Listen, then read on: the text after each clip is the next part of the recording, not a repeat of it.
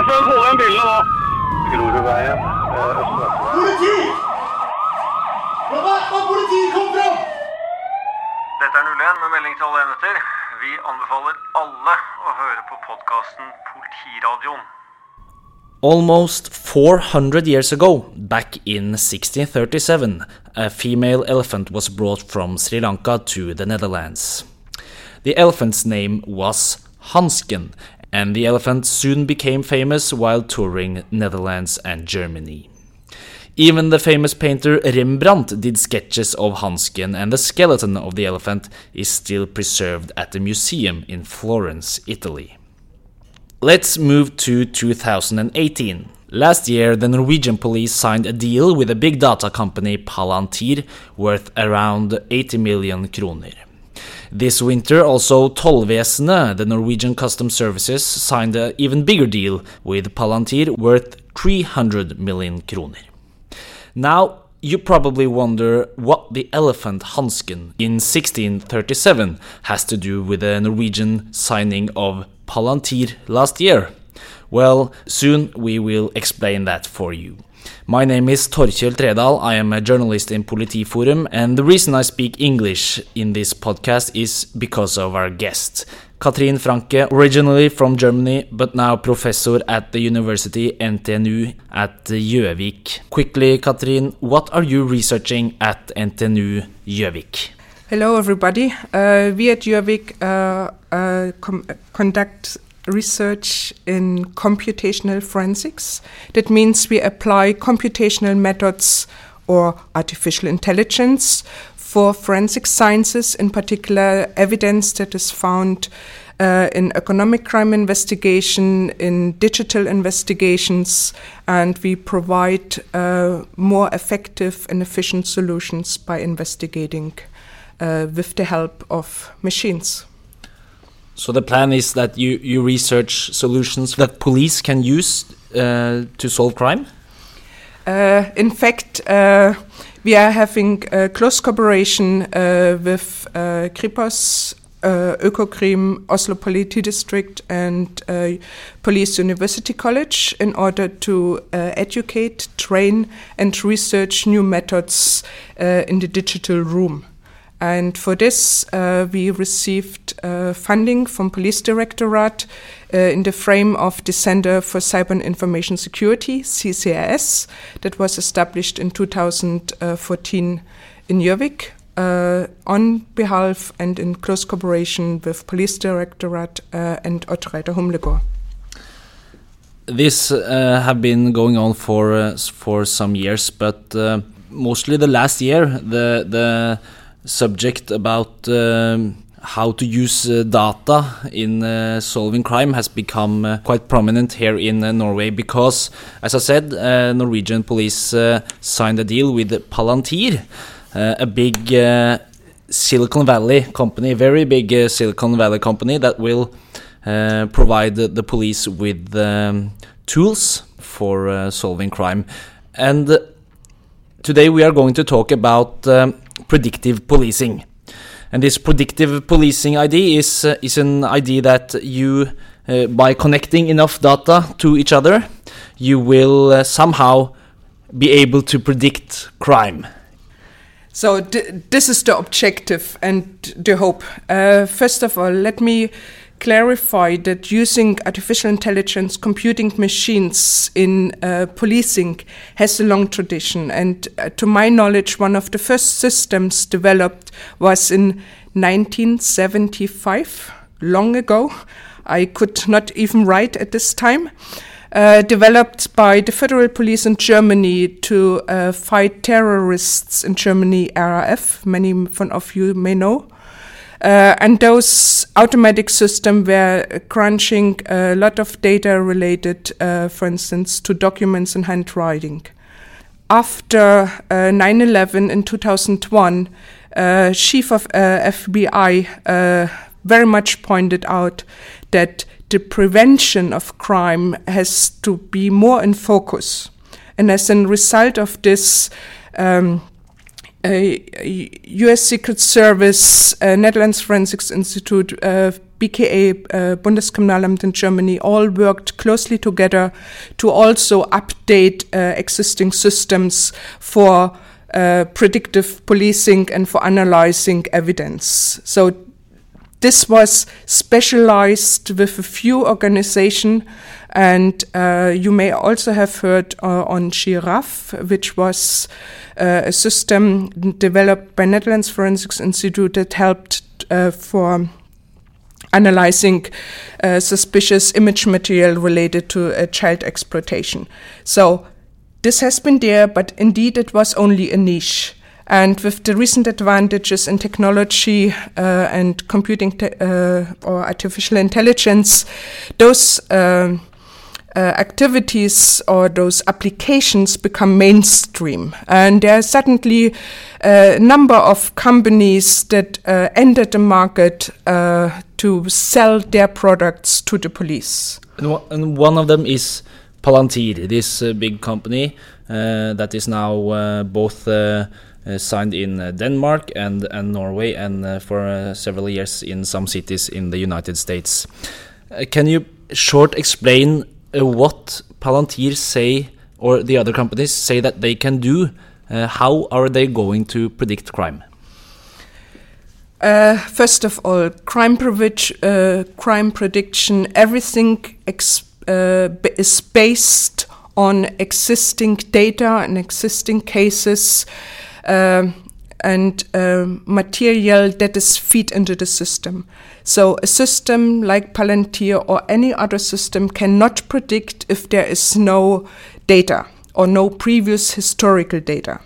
So if there are new systems out there, first of all, the true asset of those systems is the cases and the data material from which the, the systems are learned. It's not necessarily the algorithms.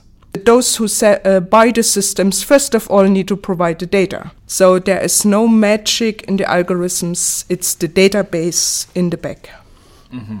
So, so these are just uh, interfaces that uh, analyze uh, registers uh, of persons or maybe criminal records or even cars, uh, phone registers. It, it depends what you feed into the data system, and they will somehow connect this thing together and provide recommendations for where or when or by who criminal will be committed. Yes, so the data linkage uh, is then uh, what allows us to predict crime.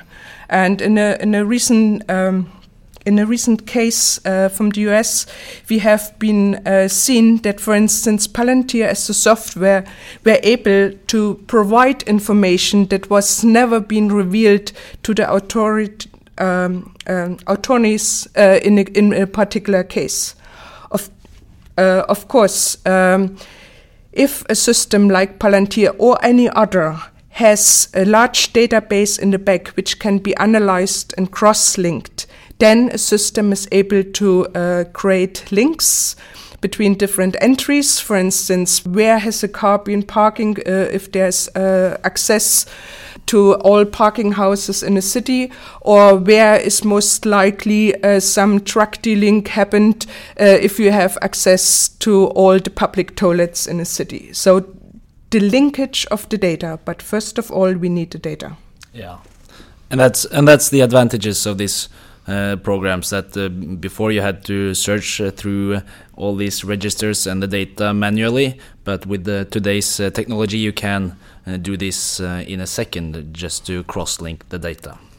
Um, this sounds like a fantastic possibility for police to to predict where crime will happen. They can be there quick. They can patrol the streets where crime is likely to happen.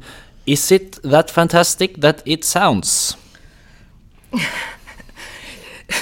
In forensic science, we always say it depends, and indeed it depends, because uh, those systems and methods are more uh, and more under scrutiny by researchers and also predictive policing.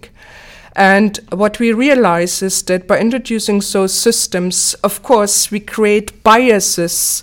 Uh, when, for example, we uh, feed the system with particular crimes always on one particular district, and this is particular uh, in in the US, uh, where you have these neighborhoods where you don't better go alone on the street.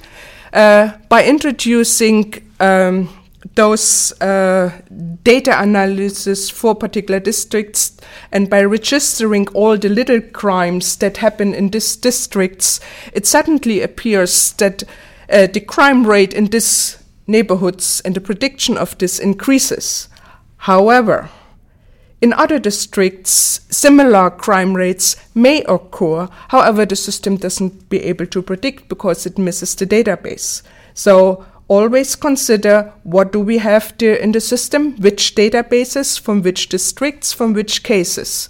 Are we going to be biased just because we have trained the system to primarily predict crime in particular district, or are we neutral and covering a wider area?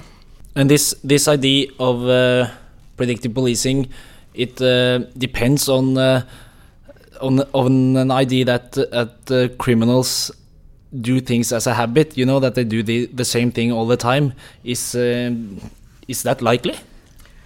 Um, we are working cl uh, very closely uh, with uh, researchers in organized crimes, which come more uh, on the, from the social sciences and criminology.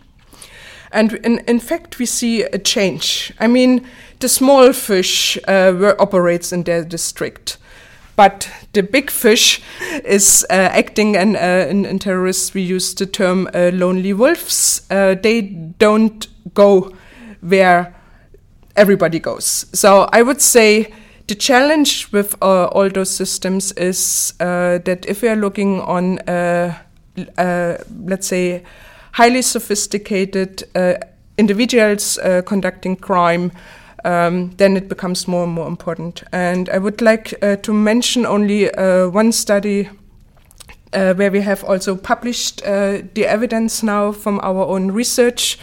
Uh, of using general purpose social network analysis to identify organized crime and uh, highly in, highly skilled individuals in dark web.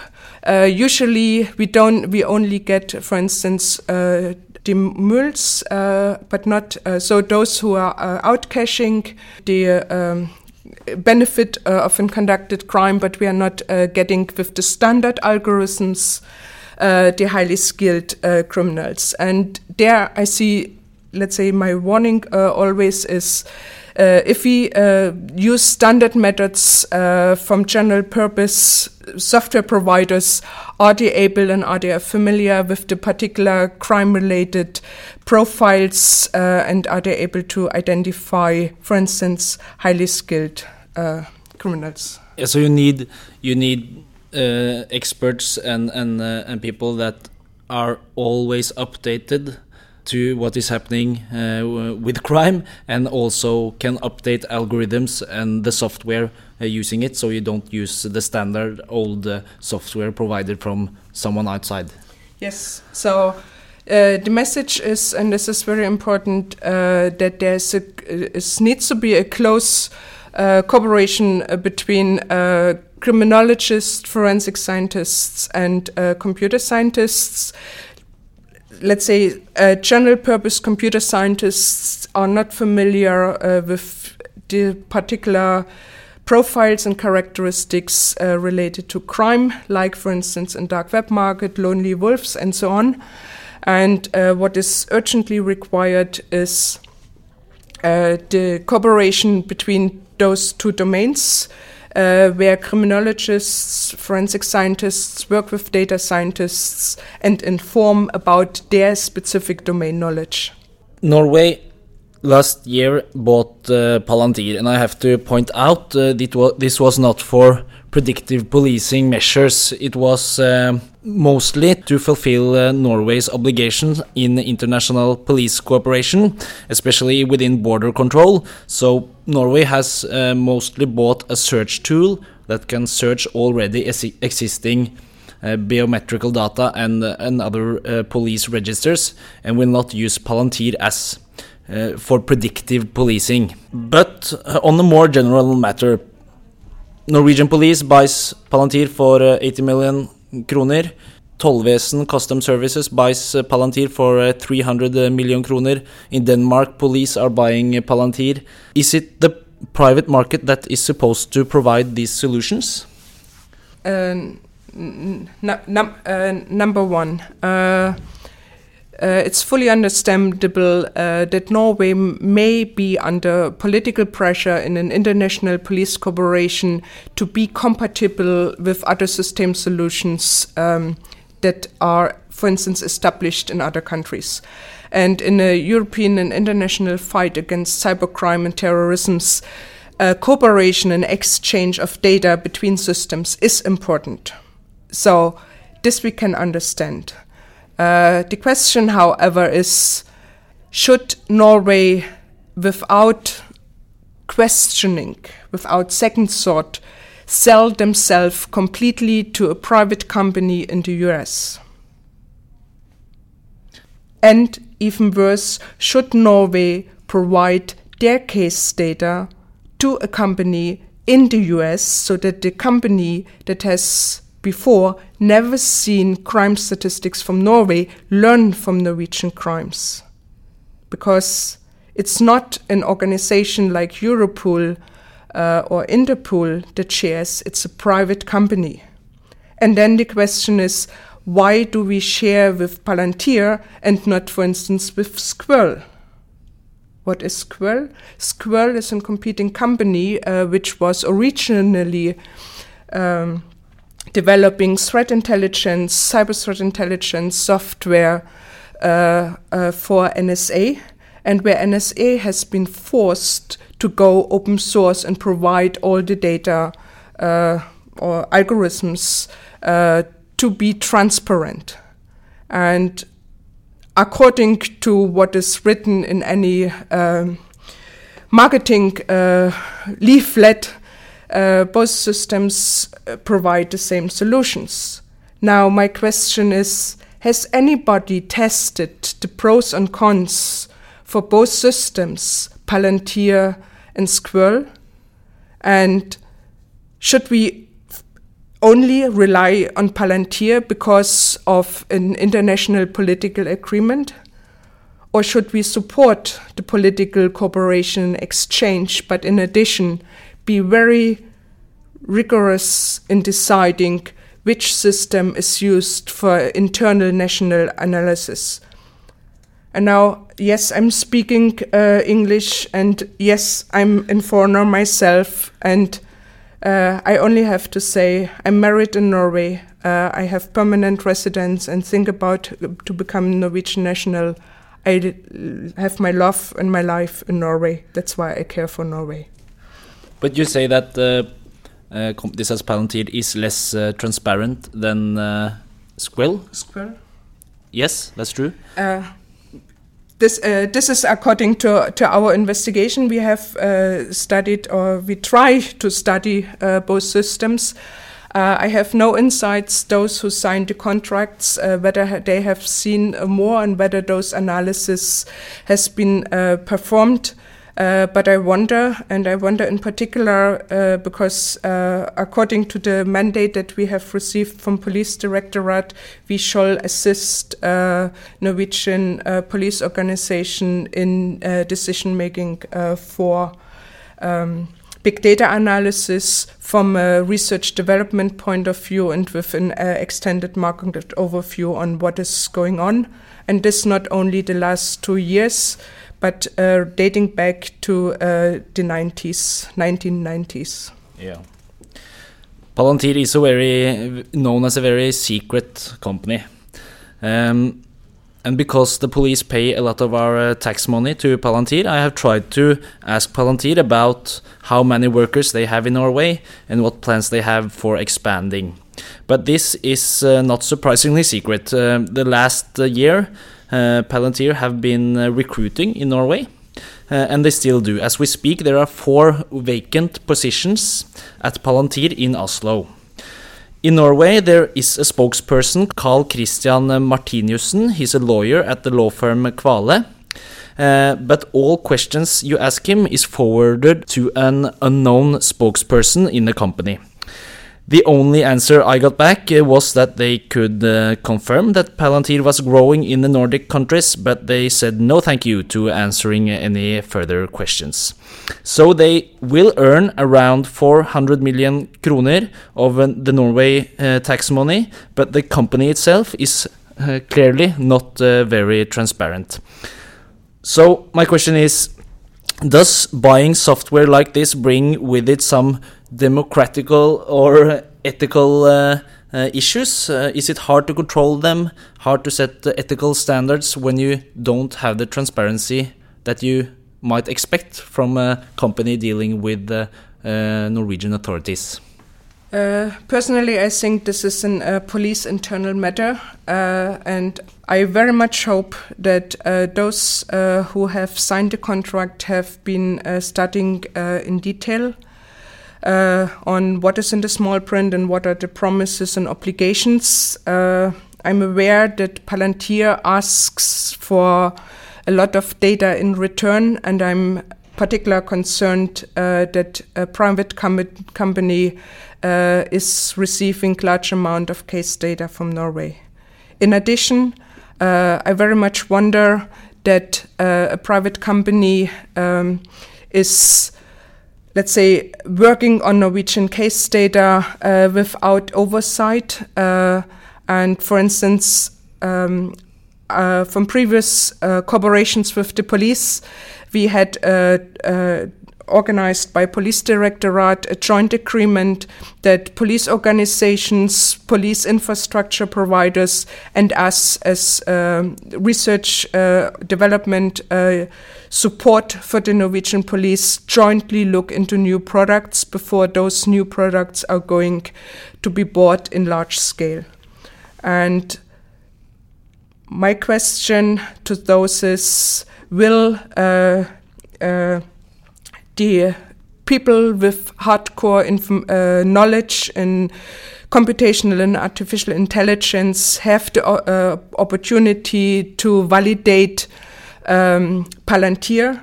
And here I like to remind the police itself about his own standards, Daubert standard, which requires that all systems are peer reviewed tested on publicly available data sets and provide standard for usage of those tools. And this not only counts for Palantir, it counts for everybody and for everything. Norway has the advantage to not be under this scrutiny on um, uh, ruling uh, like it's in the US or like it's uh, in Germany, but look ahead wait for the first case where a defense lawyer is questioning the usage of a tool like Palantir in a conviction, um, and then are you able to explain why Palantir has been using or coming to a particular uh, result? Can you prove that Palantir works correct? And if not done yet, we should hurry up to fix this gap and provide a solid foundation for the usage, practical usage of any tool, not only Palantir, any tool that uses artificial intelligence for daily police work.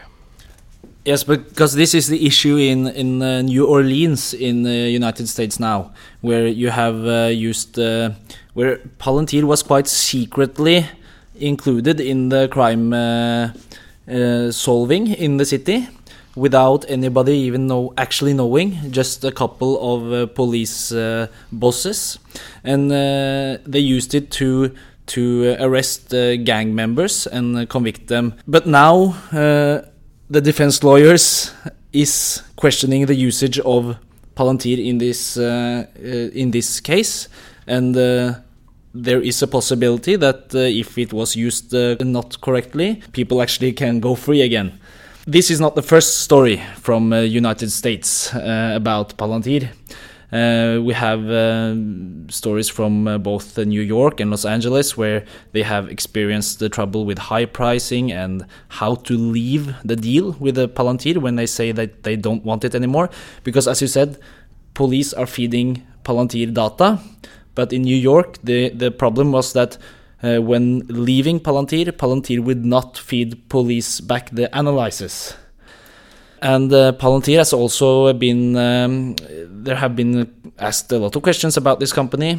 Uh, it's founded by Peter Thiel and Alex Karp, and Peter Thiel is uh, connected, as we know, to the Donald Donald Trump uh, and uh, and also uh, only the last uh, couple of weeks, Palantir has been, or at least workers in Palantir has been connected to the to Cambridge Analytica, this uh, big uh, company that has uh, used 50 million Facebook profiles to target presidential campaigns.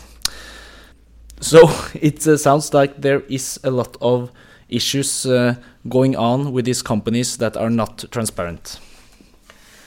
So transparency uh, in uh, police tools is an issue we're working with uh, since 20 years, and uh, Norway may now uh, face a particular challenge with Palantir, but uh, I would put it on a more general level and I would raise concerns about any company that uh, forces police into a niche on using their tools and their service only. And what we have seen is that, uh, for instance, organizations uh, like um, um, Netherlands Forensics Institute has identified those challenges long before to say we would like to develop our own tools. Bundeskriminalamt in Germany said we would like to have uh, tools uh, where we can trust, uh, where we are not going into a dependency on any middleware.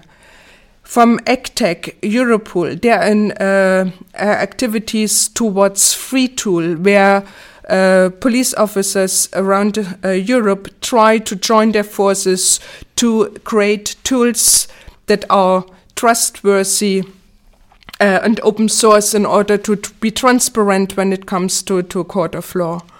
So, my point uh, is that instead of just uh, buying any tool that a company with nice leaflets, marketing, and offerings is providing also look in uh, what initiatives uh, are ongoing in the uh, police organizations around Europe and around the world, and then cooperate there. Because if we sell ourselves to one company, in particular our data, then we're stuck. And we have enough uh, bad examples already to make us think. So we know that it's hard to predict crime and it is stupid to depend on big companies that are not transparent. If we want to still use data analysis in police work, which is the future, of course, because it might be the biggest, most important tool already in today's uh, crime solving, uh, what possibilities do we have? Divide and conquer. um, that means uh, using, uh, for instance, those tools uh, only with preprocessed data, where based on the preprocessing, uh, no conclusions about particular cases uh, can be done anymore. Keeping some solutions in house, only outsourcing other parts. There is no doubt that Palantir has, for instance, a very nice user interface. Uh, which is easy to handle, use those functionality, but keep core policing data and algorithms in house. And that brings us on to the elephant I started with, the Hansken, uh, which is not only the name of an elephant, but also a name of a data tool from uh, the Netherlands Forensic Institute. What is Hansken? Hansken has been developed uh, based on the uh, experiences from XIRAF, which was for image analysis for child exploitation only. Uh, it is dedicated uh, to analyze uh, and link information in digital investigations, for instance, hard drive images. Um, all the software elements that are within Hansken are open source. The system is very modular. So, for instance, if Hadoop one day or the other, we don't know, uh, is going to be outdated, it can be easily swapped against a new uh, file system structure. Uh, the same for the search engine, which is uh, today based on Elasticsearch. If there are new search methods coming out, it can be exchanged. The architecture of Hansken is uh, well known, and Hansken has uh, been uh, implementing um, a lot of um, mechanisms for authentication journaling as it is required uh, for forensic casework. So I'm not being paid by Hansken, so this is no marketing. This is enthusiastic researchers' statement about the work and the effort. Uh, in 2015, uh, has included already f- uh, 15 man or person years of work, uh, which Netherlands Forensic Institute has uh, done primarily by themselves. Uh, Netherlands Forensic Institute is reaching out to cooperate with other countries. Uh, and I know that Norway has been shown serious interest to uh, engage further in those cooperation with Netherlands Forensics Institute, and it has dedicated um, forensic knowledge implemented, as for example, uh, exotic file system structures and so on. So we know uh, Hansken has his pros and yes, also his cons, and the cons are, oops nobody wanted to implement this fancy graphical user interface. So, why not cooperating? Why not using, for instance, a system like Palantir or any other? And hardcore forensic knowledge with hardcore forensic uh, investigation procedures like Hansken in combination and use the best of two worlds, but not sell and depend primarily on one commercial tool. So what you're saying is that there are alternatives already that is easy to update and uh, to extend and uh, that can do the same things as uh, the private companies maybe and also are uh, owned by the government the police itself uh, forensic institutions yes and not to forget all the other systems that are out there because we will not throw away all the systems and let's name them Hansken, FTK, Access Data, and so on, uh, just for an, a new Palantir. We have to keep in mind backwards compatibility uh, with existing solutions. So, what is needed is the integration of uh, different data sources. And what I uh, like to mention is uh, in this context is number one, uh, there was a Gartner, Gartner, this uh, report uh, from 2015 on big data forensic tools used in different police organizations in the world with Gartner Magic Quadrant. Surprisingly, uh, neither Palantir or Hansken was listed in those tools, but there are many others, and many of those uh, may sound familiar to you. And the other thing is, and this might be not so interest, uh, not so well known uh, among practitioners, there are huge European projects ongoing on uh, evidence interchange uh, and data formats, uh, including an overview over forensic tools, uh, in which are financed by uh, the European Commission. And my question is why don't we look also on those? Yes, time is money and we need to be operational now. I agree. But in parallel, we should make sure that we are not selling us just due to an urgent need and create dependencies of for the next 10, 20, 50 years to come. So, uh, Katrin, uh, to not uh, depend on uh, any specific system for the next uh, 20 or 50 years, uh, what uh, has to be done? So, first of all, is uh, I think education. Because if we know what's in the box, we can question the box and we not blindly rely. I mean, if I buy a car and somebody wants to sell me, let's say, Ferrari, I will be eventually very excited because it's so slick. And what will my Norwegian husband tell me? Catherine, this is too slow. You need a four wheeler. You need to have Winterpacker, otherwise, you don't survive. So, I need to have someone who knows and who is familiar with the conditions. So, okay, I like Ferrari, but I listen to my husband. He knows. So, what can we do?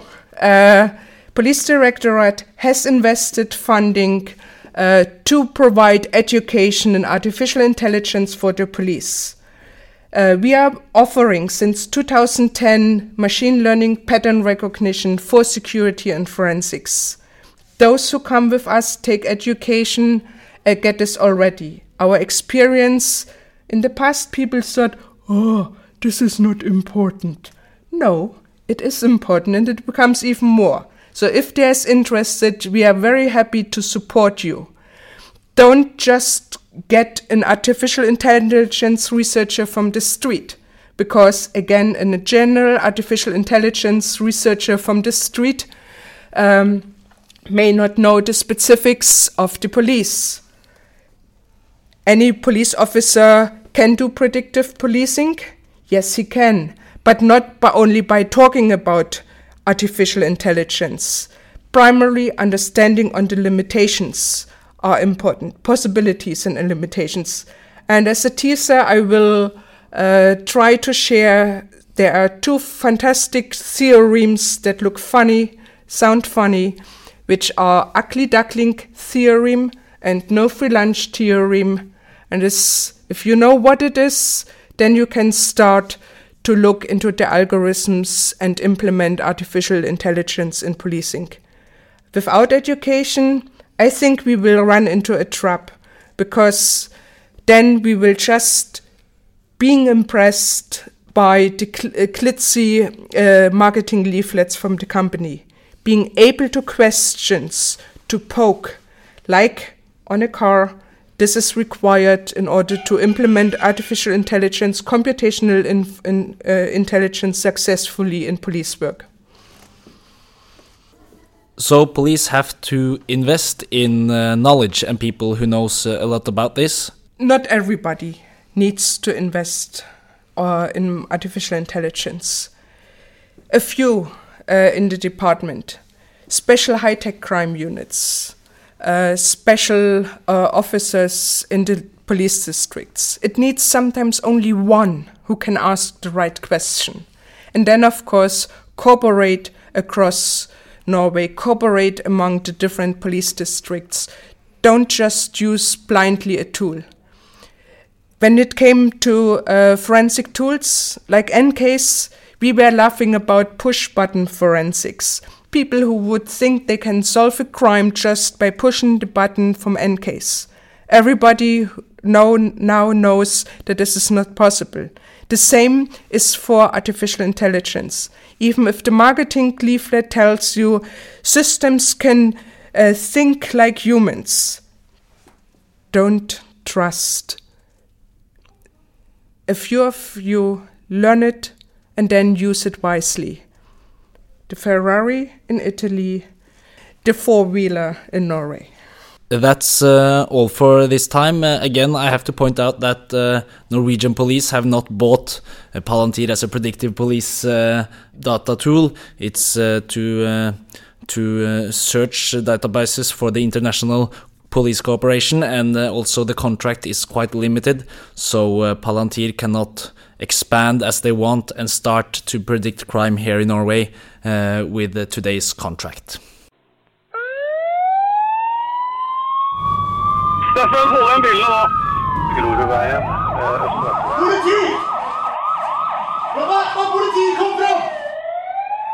er 01 med melding til alle enheter. Vi anbefaler alle å høre på podkasten Politiradioen.